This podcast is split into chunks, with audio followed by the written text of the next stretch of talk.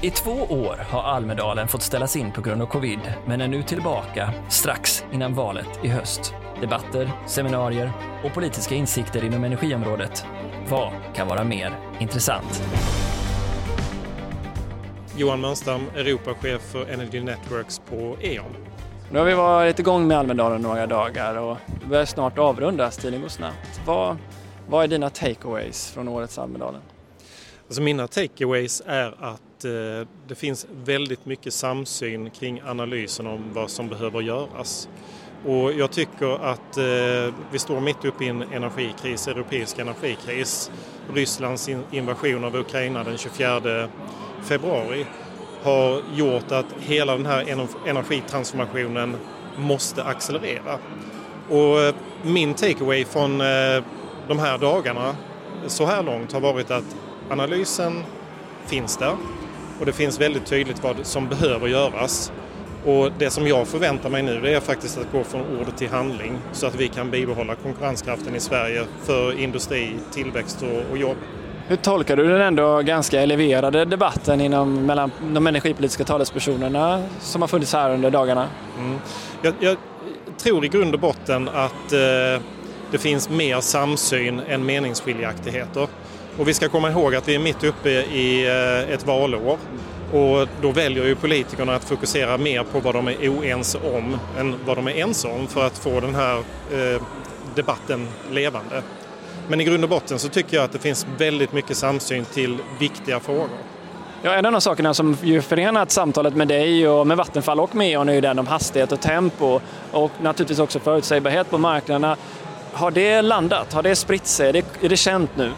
Jag, jag, tycker det och jag, jag tycker att alla ser eh, vad som har hänt. Som jag själv har, har, talat med olika politiker om vad vi ser på E.ON. Att Eh, det har tagit en väldig fart kopplat till vilka solceller som vi installerar och eh, levererar. Eh, hur mycket vindkraft som vi också ansluter till vårt nät och elektrifieringen av transporter. Och det här är ju bara början. Så att eh, vi, det, det som jag tycker är viktigt här det är ju att säkerställa att energisystemet verkligen kan ta emot all den efterfrågan på både att ansluta ny produktion men också ny konsumtion eh, genomförs. Men en av de sakerna som har hänt sedan du och jag pratades vid senast är att även ni har lyckats visa att ni klarar att upprätthålla väldigt hög tillgänglighet i nät men även mycket förnyelsebart. Eh, har, har du vetat det hela tiden eller är du själv förvånad över hur snabbt den utvecklingstakten har gått? Alltså, eh, för, för vår del på E.ON, så både på ett europeiskt eh, plan så har vi det största investeringsprogrammen någonsin. Vi investerar 22 miljarder till 2026, 22 miljarder euro till 2026 i våra elnät. Och en stor del av de investeringarna görs ju i Sverige. Så att det är klart att eh, vi har kunnat upprätthålla en hög tillgänglighet och det är ju det som vi brinner för att göra. Att säkerställa att det finns en tillgänglighet, att vi digitaliserar våra nät så att vi kan både styra dem och öka utnyttjningsgraden av näten. Men det som vi menar är också att utvecklingstakten går så oerhört fort nu så att om vi tittar på dagens regelverk så hänger inte det riktigt med. Utan det som är viktigt nu det är ju att vi kan investera på prognos och inte på beställning. Att det verkligen tas krafttag i att säkerställa att tillståndsprocesserna kortas och att vi till exempel kan eh, ge, leverera flexibla avtal till våra kunder där kunderna efterfrågar det. Givet de här frågorna då, eh, tror du att, eh, vad tror du vi får se efter valet? Lugnar det ner sig då eller vad, vad tror du?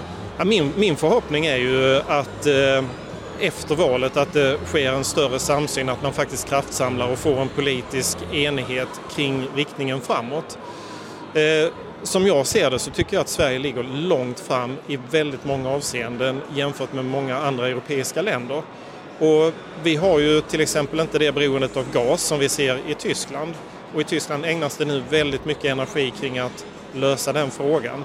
Och jag tycker då att Sveriges politiker borde ta ett gemensamt krafttag att skapa de här förutsättningarna nu snabbt så att vi inte bara kan behålla det här försprånget utan att vi kan öka det. För till syvende och sist så handlar det ju om tillväxt, konkurrens och jobbtillfällen för Sverige.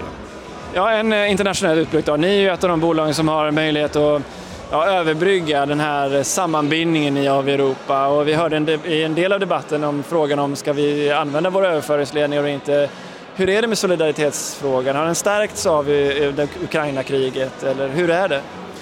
Jag, jag, tycker att eh, överhuvudtaget det som har hänt med Rysslands invasion av Ukraina är att eh, det visas en enorm solidaritet på ett europeiskt plan. Inte minst har politikerna visat det. Och jag ser ju också som är engagerad i europeiska sammanslutningar som Smart Grids for Europe och DSO Entity och även inom min egen organisation att eh, det, det kraftsamlas dels kring att driva energitransformeringen i respektive land i Europa men också att vi bidrar med materiell och support till våra ukrainska vänner för att klara och upprätthålla tillgängligheten även där. Du låter nästan mer optimistisk nu när vi pratade vid senast. Jag, jag tror ju att eh, i det här perspektivet Tyvärr måste man ju ändå bara konstatera att det är en oerhörd tragedi det som händer i Ukraina. Jag har själv varit i anslutning till, till gräns, gränsen i Ukraina i både Polen, Slovakien och Rumänien och sett flyktingflödena med egna ögon. Men samtidigt, om vi ska lägga den optimistiska sidan på det, så är det ju så att det här kommer ju bara driva accelerationen av energitransformeringen. Och det är ju till förmån för klimatomställningen och allt det som vi måste göra kommer nu att vi tvingas att göra mycket snabbare. Tack så hemskt mycket för att du hade tid. Tack.